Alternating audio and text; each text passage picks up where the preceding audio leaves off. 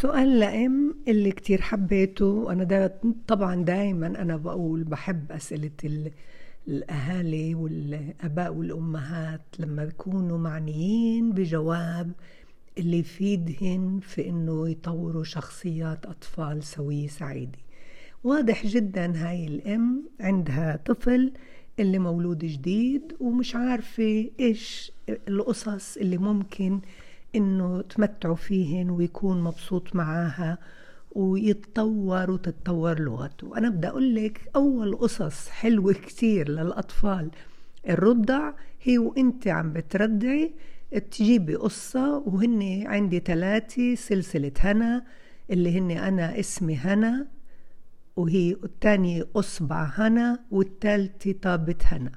ليش أنا عملت هدول القصص؟ لأنه بيحكوا على محيط الرضيع والبيئة تبعته دائرة محيطه البيئية الصغيرة حاجاته يعني حمامه ال- المطبخ ال- الزوايا اللي بالبيت وطبعا شوي بنطلع على الطبيعة بنجيب سيرة الوردة وبنجيب الباب سيدو والطابة وتقريبا حتى كمان الأفراد اللي في العيلة قليل ما بنذكرها بهالقصص لأنه إحنا بدنا نوسع له محيط آه، معرفته البيئية العاطفية العقلية عن طريق القصص.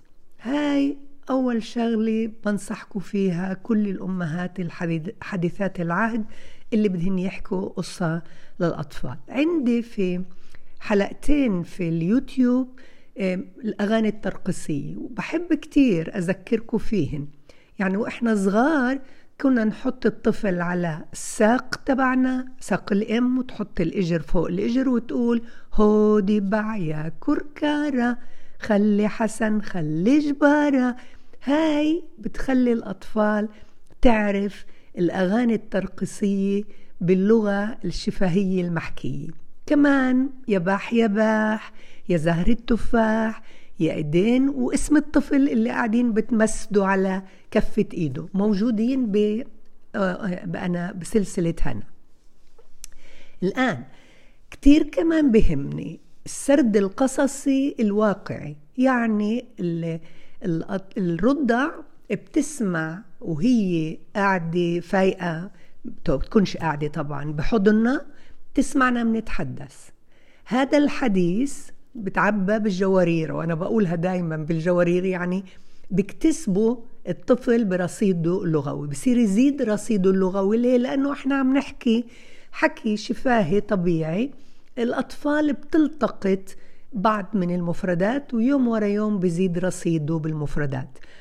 هذا جانب اللي كتير أنا بحبه لأنه اللغة هي مكتسبة عن طريق السمع الآن بعد ما رضع الطفل تحمليه بدك إياه طبعا تخليه يتدرع. إحنا بنقول عنا هون بفلسطين. بالدول العربية ممكن يقولوا بالدشة. وفي كمان أكيد مفردات تانية اللي فيها بنحطه هيك تقريبا يكون على كتفنا آه، آه، راسه. وبنمشي بجوانب البيت. إذا كان الطقس حلو بنقدر نمشي كمان برا. وإحنا عم نمشي بجوانب البيت بتكوني أنت خلاقة مبدعة. كيف؟ إنه إحنا السفايتين على المطبخ. آه هاي خزانة المطبخ. شو في في خزانة المطبخ؟ آه في في خزانة المطبخ صحون في كمان بالجوارير معالق في كمان على المجلة. بذكر كل ما بإشي بشوفه في داخل المطبخ وحتى إذا بخطر في بالك بقلب الخزانة وبالجوارير وإذا انتبهتي شوفي آه طيب كمان إيش في هسه شفت أنا في محطوط صحن على المجلة في كمان سكينة ومعلقة وفي على الطاولة. شو في على الطاولة غيري صوتك وخلي صوتك يكون رايق هادي منه هون انت ترتبطي عاطفيا مع هذا الرضيع ومنه كمان بتعلي له رصيده اللغوي بتفوتي على غرفته. لما بدك تغيري له إسا بدنا نفتح الجرور. تعال نتلقح. وين نتلقح؟ آه بدنا نتلقح على هاي الفرشة الناعمة اللي لإلك اللي لونها ضيفي. ضيفي معلومات. زيدي معلومات. كلها إيش عم بتشوفي؟